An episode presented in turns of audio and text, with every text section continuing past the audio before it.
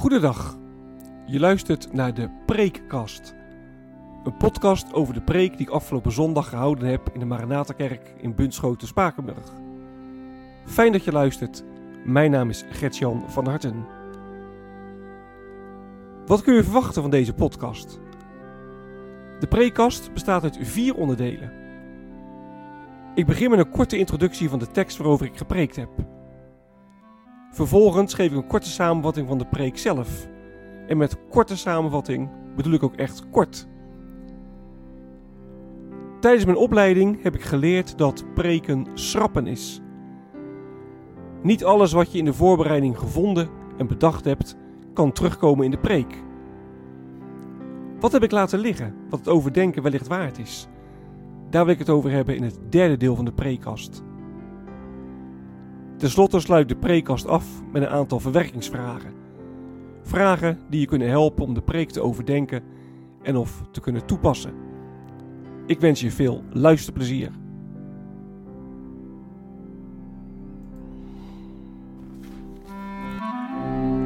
De tekst. Ik ben van plan een prekenserie te houden over het boek Haggai. Haggai dat is een, een kort bijbelboek. Het is het uh, na kortste bijbelboek uit het Oude Testament.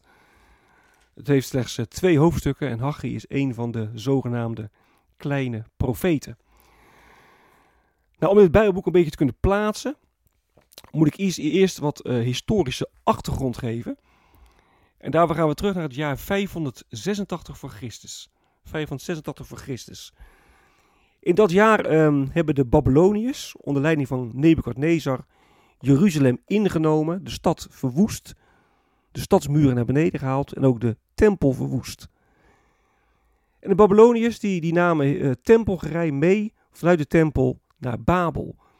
En ze namen ook uh, Joden mee in, in ballingschap. 586 voor Christus, de tempel die gebouwd was door koning Salomo, wordt verwoest. In 538 voor Christus valt het Babylonische wereldrijk. En de Perzen die nemen de macht over. De Persische koning Kores die verovert Babylon. En Kores die is uh, twee jaar uh, koning. En uh, die geeft vervolgens dan de Joden toestemming om terug te keren naar Jeruzalem. de Joden mogen terug naar Jeruzalem om de tempel te herbouwen. En om de stadsmuur van Jeruzalem weer in orde te maken. En je kunt dan in Ezra 3, Ezra 3 lezen dat de Joden inderdaad daadwerkelijk terugkeren. Dat ze het brandofferaltaar herstellen. En dat ze een begin maken met het leggen van een nieuwe fundering voor de tempel. Maar in Ezra lees je vervolgens ook dat er dan de klad in komt. Want de Samaritanen, die woonden daar in Jeruzalem, die gaan zich verzetten tegen de teruggekeerde ballingen. En ze waren bang dat hun eigen machtspositie in gevaar kwam. En ze weten de Perzische koning zover te krijgen dat hij de, de, de herbouw van de tempel en de herbouw van de stadsmuren, dat hij dat laat stilliggen. Nou, dat ligt vervolgens een, een jaar of 15, 16 stil. En dan komen we in de tijd van Haggai. Haggai 1 vers 1, in het tweede regeringsjaar van koning Darius, op de eerste dag van de zesde maand, richtte de Heer zich bij monden van de profeet Haggai tot Serubabel en tot Jozua in het tweede regeringsjaar dus van koning Darius op de eerste dag van de zesde maand. En dat kunnen we precies uh, dateren. Dat was op 29 augustus 520 voor Christus. 29 augustus 520 voor Christus speelt het tekstverhaal zich dus, dus af.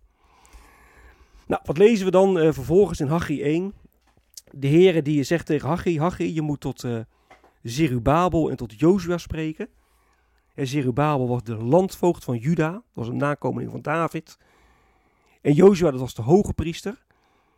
Dus Zerubabel en Jozua, dat waren eigenlijk de leiders van het volk, hè, de politieke leider en de geestelijke leider. En de Heer zegt, je moet tot hen gaan zeggen, hoe kan het toch dat uh, de ballingen allemaal in, in, in, in huizen wonen? Hè, die hebben hun huis allemaal afgemaakt. Terwijl de tempel, mijn huis, nog een ruïne is. He, jullie waren teruggekeerd, om, teruggekeerd in Jeruzalem om mijn tempel te herbouwen, om mijn huis opnieuw op te richten. Maar dat hebben jullie helemaal niet gedaan. Jullie hebben alleen maar voor jezelf huizen gebouwd. En dat, zegt uh, dan, dat is ook de reden dat het helemaal niet goed gaat bij jullie. Hè, vers, vers 6 bijvoorbeeld, jullie hebben heel veel gezaaid, maar jullie hebben weinig geoogst. Jullie eten, maar je raakt niet verzadigd. Je drinkt, maar het is nooit genoeg. Je kleed je wel, maar je krijgt het nooit warm. Geld verdwijnt in een portemonnee vol gaten. Je hebt er helemaal niks aan. Er is geen, geen zegen. En hoe komt dat? Dat komt omdat jullie de tempel niet herbouwd hebben. Nou, dan lees je in vers 12 dat het volk wel tot inkeer komt. Ze worden bang voor de Heer. Staat het volk werd vervuld van vrees voor de Heer. En dan zegt Haggai, nou ja, je hoeft niet bang te zijn, want, want de Heer, de Heer is bij jullie. En dan gaan ze de inwoners van Jeruzalem vervolgens aan de slag. Vers 15, ze gingen aan het werk op de 24e dag van de zesde maand. Dus drie weken nadat Haggai tot hen gesproken had, gaan ze beginnen om uh, de tempel weer te herbouwen. Nou, dat is de context van Haggai 1. De preek. De profeet Haggai wordt door de Heer naar het eh, volk Israël toegestuurd. En hij moet het volk Israël confronteren met de vraag: hoe is het nou mogelijk? Hoe is het nou mogelijk dat jullie huizen wel herbouwd zijn? Terwijl de tempel, mijn huis, in puin ligt. En je proeft als je die vraag hoort ook de, de kern van de aanklacht. De Heer zegt: Leven jullie nou voor mij? Of leven jullie gewoon eigenlijk voor jezelf? En dat is een hele indringende vraag. Een vraag die wij, die wij ons ook wel uh, kunnen stellen en moeten stellen. Leven wij voor God, voor zijn eer, of leven wij voor onszelf? Nou, als je voor jezelf leeft, dan, ja, dan wil je zo comfortabel mogelijk leven. En dan ziet je leven er echt totaal anders uit dan wanneer je helemaal voor de Heer leeft. Als het gaat om, om geld of tijdbesteding bijvoorbeeld. Of als het gaat om uh, nou, omgang met seksualiteit of om hoe je over en uh, met mensen praat. Nou, waar kiezen jullie nou voor? Waar leven jullie voor? Wat willen jullie, vraagt de Heer. En wat de Heer zelf wil, dat is duidelijk. De Heer zegt, ik wil dat mijn tempel herbouwd wordt. En dan wil de Heer niet zomaar. de tempel is niet zomaar een huis. Hè. De tempel is het huis van God. De tempel is een symbool dat, dat God op aarde woont. Dat God te midden van zijn volk woont. En de Heer zegt, daarom moet de tempel herbouwd worden, want ik wil graag bij jullie zijn. Ik verlang ernaar om met en te midden van jullie te leven. Nou, als de Joden dan Haggai horen, dan, dan, dan schrikken ze heel erg. Ze worden bang. ze zien ook echt wel in dat ze echt verkeerd bezig zijn. En uh, dat ze zich moeten bekeren. En dat is uh, voor ons natuurlijk niet minder. Als wij God niet de eer geven die hem toekomt, ja, dan zullen we onze schuld echt moeten beleiden. Dan zullen we op de knieën moeten gaan. Dat hoort echt allemaal ook bij een, uh, bij een leven met God. Beleiden van je schuld, vragen om vergeving. Nou, in vers 15 lezen we dan dat de Joden dan de tempelherbouw uh, weer gaan starten. En ook dat is natuurlijk een wezenlijk onderdeel van de bekering. Hè? Dus niet alleen maar zeggen, ik doe het verkeerd, Heer vergeef me. Maar ook anders gaan leven. Ook de consequenties uh, eruit trekken. Je gedrag veranderen. Nou, nu is het een valkuil om te denken, nou, bekeren dat betekent dus dat je je mouwen moet opstropen en dat je ervoor moet gaan. Dat je kei en keihard tegen zonde moet vechten, de zweep over je leven. Maar dat is uh, ja, echt allemaal tot mislukken gedoemd. Dat gaat je echt niet lukken. Daarvoor zit het kwaad echt veel te diep in je. Bekeren betekent dan niet de zweep over je leven leggen, maar bekering, dat betekent jezelf toevertrouwen aan Jezus Christus. Dat is Jezus Christus in al zijn genade, in al zijn liefde, in al zijn goedheid te kennen. En als je ziet en, en proeft van wat, wat Christus al aan je geven wil, ja, dan verlang je maar één ding. En dan wil je ook echt naar de Heer toegroeien. En dan krijg je berouw over je zonde. En dan wil je ook dat de Heilige Geest ook, ook steeds krachtiger in je leven gaat werken. Nou, als we Haggai 1 lezen, dan zie je dat uh, Haggai het volk een keuze stelt. Het is tijd om te kiezen. De keuze van de Heer is duidelijk. Hè? In Jezus Christus heeft Hij voor ons gekozen. En de vraag is dan, wat kies jij? Het thema van de preek was tijd om te kiezen. Ik had uh, vier onderdelen. Het eerste was tussen twee wegen. De keuze van God is duidelijk. Dat was het tweede onderdeel. Daarom tijd voor bekering. Dat was het derde. En ik eindigde de preek met: kies voor Jezus Christus. Wat is blijven liggen? Ook dit keer wil ik weer een aantal uh, onderwerpen noemen. Een aantal.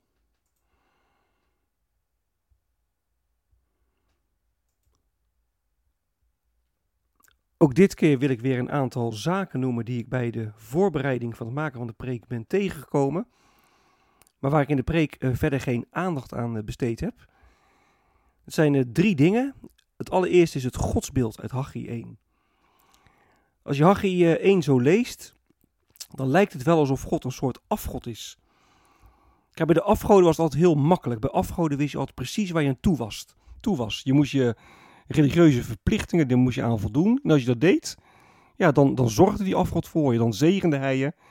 En dan uh, ging alles prima. Maar als je niet aan je religieuze verplichtingen voldeed, ja, dan keerde zo'n afgod zich tegen je. En dan kon je vloek verwachten. Nou, het lijkt net alsof bij de Heer ook zo is. De Heer zegt, uh, jullie hebben het uh, arm, jullie hebben te weinig eten, te weinig drinken, jullie hebben het koud, jullie hebben te weinig geld. En dat komt omdat jullie de tempel niet herbouwd hebben. Als je dat wel doet, als je de tempel gaat herbouwen, ja, dan kun je zegen verwachten. Doe je het niet, dan kun je vloek verwachten. Precies ook hè, zoals uh, Mozes gezegd had toen het volk Israël Canaan wilde binnentrekken. Toen zei hij in zijn afscheidsreden nog een keertje heel duidelijk, als je straks in het beloofd land bent, kun je twee dingen doen. Je kunt de God dienen. En als je dat doet, ja, dan kun je welvaart verwachten. Goede oogsten, dan heb je geen last van je vijanden. Dan gaat het goed. Maar als je voor afgoden gaat knielen, als je de Heer niet gaat dienen, ja, dan, dan kun je onheil verwachten. Dan krijg je oorlog, dan krijg je misoogsten, dan komt de honger. En dan gaat het fout. Is het nu zo dat als je God dient, dat je dan altijd welvaart kunt verwachten? Of is dat iets alleen van het Oude Testament? Hoewel, ook in het Oude Testament zie je wel dat er wel vragen bij gesteld worden. Ik denk bijvoorbeeld aan Psalm 73. Daar zegt uh, Asaf, hoe kan het nou God? Ik, ik, dien u met heel mijn hart. Ik wil echt voor u leven, maar het gaat slecht met mij. En ik zie uh, notabene mensen die aan God nog gebod doen. Die helemaal zonder u leven. En met hen gaat het prima, met hen gaat het goed. Hoe, hoe kan dat nou? Dus ook in het Oude Testament is niet altijd zo dat als je God dient, dat je dan ook automatisch welvaart hebt. En hoe zit het dan vandaag? Hè? Je hebt vandaag de dag, zeker in Afrika, weer heel veel uh, welvaartsevangelie. En het welvaartsevangelie zegt, als jij God dient, als jij voor de Heer kiest, dan zal de Heer je overladen met gezondheid, met een goede baan, met geld, met kinderen, met voorspoed. Nou, hoe zit dat nou, de relatie tussen God dienen en, en zegen? En wat is zegen dan? Is dat altijd materieel, of soms wel, of alleen het Oude Testament? Of hoe zit dat nou? Nou, het is wel een vraag die opkomt als je Haggai 1 leest. Ik heb daar nu geen aandacht aan besteed, omdat het eigenlijk ook terugkomt in Haggai 2. Ik ben van plan volgende week te gaan preken over Haggai 2, vers 10 tot en met 19. En daar eh, kom je eigenlijk het, eh, het, het, hetzelfde wel, wel, tegen, dezelfde vraag. En ik denk dat ik er dan wat dieper op, uh, op in wil gaan. Dat is eerste. Het tweede wat ik nog wilde noemen is dat Haggai heel mooi laat zien dat God geen tegenstander van ons is, maar een, bondgenoot. Ik heb dat wel heel kort een beetje iets over gezegd in het tweede onderdeel van mijn preek, waarin ik zeg dat de keuze van God heel duidelijk is. En God wil bij zijn volk wonen. God wil dat de tempel herbouwd wordt. Maar je ziet ook heel mooi terug in, in, in vers 12 eh, en 13. In vers 12 lees je dat de Israëlieten uh, bang worden voor God. Bang worden omdat ze inzien dat ze verkeerd bezig zijn. En er staat er in vers 13, maar Haggai, de bode van de Heer, zei in opdracht van de Heer tot het volk: Ik ben bij jullie, spreekt de Heer. Ik ben bij jullie. Hè? Dat refereert aan, aan de naam van God, Yahweh. Ik ben bij mijn volk. Ik zal altijd bij jullie zijn. Ik ben niet jullie tegenstander, maar jullie bondgenoot. Nou, zijlings is dat wel aan de orde gekomen in de preek, maar ook dat kun je natuurlijk wel heel mooi uh, uitwerken. God die geen tegenstander is voor ons, maar God die een verbond met ons gesloten heeft. God die met zijn volk wil omgaan. Nou, het laatste punt dat ik nog wilde noemen, waar ik in de preek geen aandacht aan besteed heb, dat is wat ik gevonden heb in vers 11, of wat ik gevonden heb in vers 11, wat ik tegenkwam in vers 11. Er staat, ik heb het land en de bergen, het koren, de wijn en de olie, al wat de aarde opbrengt, ieder mens en elk dier, en alles wat jullie moeizaam tot stand hebben gebracht, met droogte getroffen. Ook de dieren die, die, die, die vallen onder de vloek van de zonde. Ook de dieren die dragen de gevolgen van, van de zonde van de mensen. de schepping leidt echt aan, aan onze, onze zonde. En dan zien we natuurlijk vandaag ook wel in, in allerlei klimaatveranderingen. We zijn de aarde aan het uitputten. De schepping leidt eronder. We hebben een veel te grote ecologische voetdruk. En uh, nou ja, zeker in deze tijd is dat denk ik wel heel relevant om ook daar eens over, eens over na te denken. Je ziet ook in de theologie dat er wel aanzetten worden gedaan tot een, uh, een zogenoemde ecologische theologie. Hè. Wat betekent uh, de theologie? Wat kan de theologie nou zeggen over de schepping? Wat betekent het evangelie voor hoe we omgaan met Gods schepping? Nou, daar zou je dus aan de hand van vers 11 ook wel op kunnen inzoomen. Ook een punt waar je dus uh, goed over na kunt denken. Nou, deze drie punten wil ik noemen. Uh, het godsbeeld in Haggai. God is geen tegenstander, maar een bondgenoot. En heel de schepping, heel de natuur leidt uh, onder de gevolgen van onze zonde. Verwerkingsvragen. Ik heb ook dit keer weer een, een, preekblad bij de preek gemaakt met onder meer een aantal uh, vragen om over na te denken. En de eerste vraag die ik gesteld heb is: in hoeverre verlang jij er met heel je hart naar om voor de Here te leven? Want dat is natuurlijk de, de vraag die oproept in Haggai 1. Waar leef je nou voor? Leef je nou voor de Here of leef je voor jezelf? En dat is een vraag die uh, ja, ik niet voor jou kan beantwoorden, die jij niet voor een ander kunt beantwoorden, die we ook niet voor elkaar kunnen beantwoorden, maar die we echt zelf zullen moeten beantwoorden. Waar leef ik voor? In hoeverre verlang ik er echt naar om met heel mijn hart voor God te leven? En waar, waar blijkt dat dan uit? Nou is de eerste vraag die ja, eigenlijk als vanzelfsprekend naar ons toe komt vanuit het uh, tekstgedeelte. Een tweede vraag die ik gesteld heb is: wat versta je eigenlijk onder bekering? Er is heel vaak wel verwarring over het woord bekering. Wat is bekering nou? Is bekering eenmalig? Wat is uh, dagelijkse bekering? Moet je wel bekeren? Want ik geloof gewoon in God, ik heb het al een keer bekeerd. Of moet je dat iedere keer weer opnieuw doen? Hoe zit dat nou? Wat is nou precies bekering? Ik denk dat ook dat wel een vraag is om nou, gewoon eens rustig over na te denken. Wat versta je onder bekering? Een derde vraag die ik uh, heb opgenomen is: in hoeverre durven wij elkaar echt aan te spreken op onze levensstijl? we leven natuurlijk best wel in een tijd waarin het ieder voor zich is. En ieder heeft zijn eigen verantwoordelijkheid en willen mensen niet te veel dingen voorschrijven. We zijn ook wel wat uh, huiverig voor. Ik merk dat zelf ook wel. Wie ben ik om een ander ergens op aan te spreken? En uh, nou, er zijn ook genoeg dingen in mijn eigen leven mis en heb ik dan wel recht van spreken. En dat kan het onderlinge gesprek over hoe we in het leven staan wel uh, verlammen. Dus de vraag is in hoeverre durven wij elkaar aan te spreken op onze levensstijl. En de laatste vraag die ik had opgenomen is: wat betekenen de woorden van Haggai voor ons als gemeente nou? Ja, kun je zeggen um, dat onze gemeente op het moment te weinig zegen krijgt omdat er bepaalde zonden zijn? Nou, zo merk ik bijvoorbeeld wel dat er heel links en rechts wel een aantal nou ja, doofpotten zijn. Doofpotten zijn over dingen die gebeurd zijn in het verleden, waar angstvallig over gezwegen wordt, wat niet opgeruimd wordt, wat niet beleden wordt. En uh, ja, kun je dan zeggen, nou, zolang dat er is, ont, onthoudt de Heer ons zijn zegen. En nou, zullen we een gemeente blijven die uh, in verwarring is, of waar mensen naar links of naar rechts weggaan? Of kun je dat niet zeggen? Nou, ook best wel eens goed om daarover na te denken. Wat betekenen de woorden van Haggai voor ons nou als gemeente? Dit was de prekast van deze week. Mocht je opmerkingen hebben, dan kun je die mailen naar vanhartengertjan.gmail.com vanhartengertjan.gmail.com Ik wens je nog een hele prettige dag en wie weet tot de volgende keer.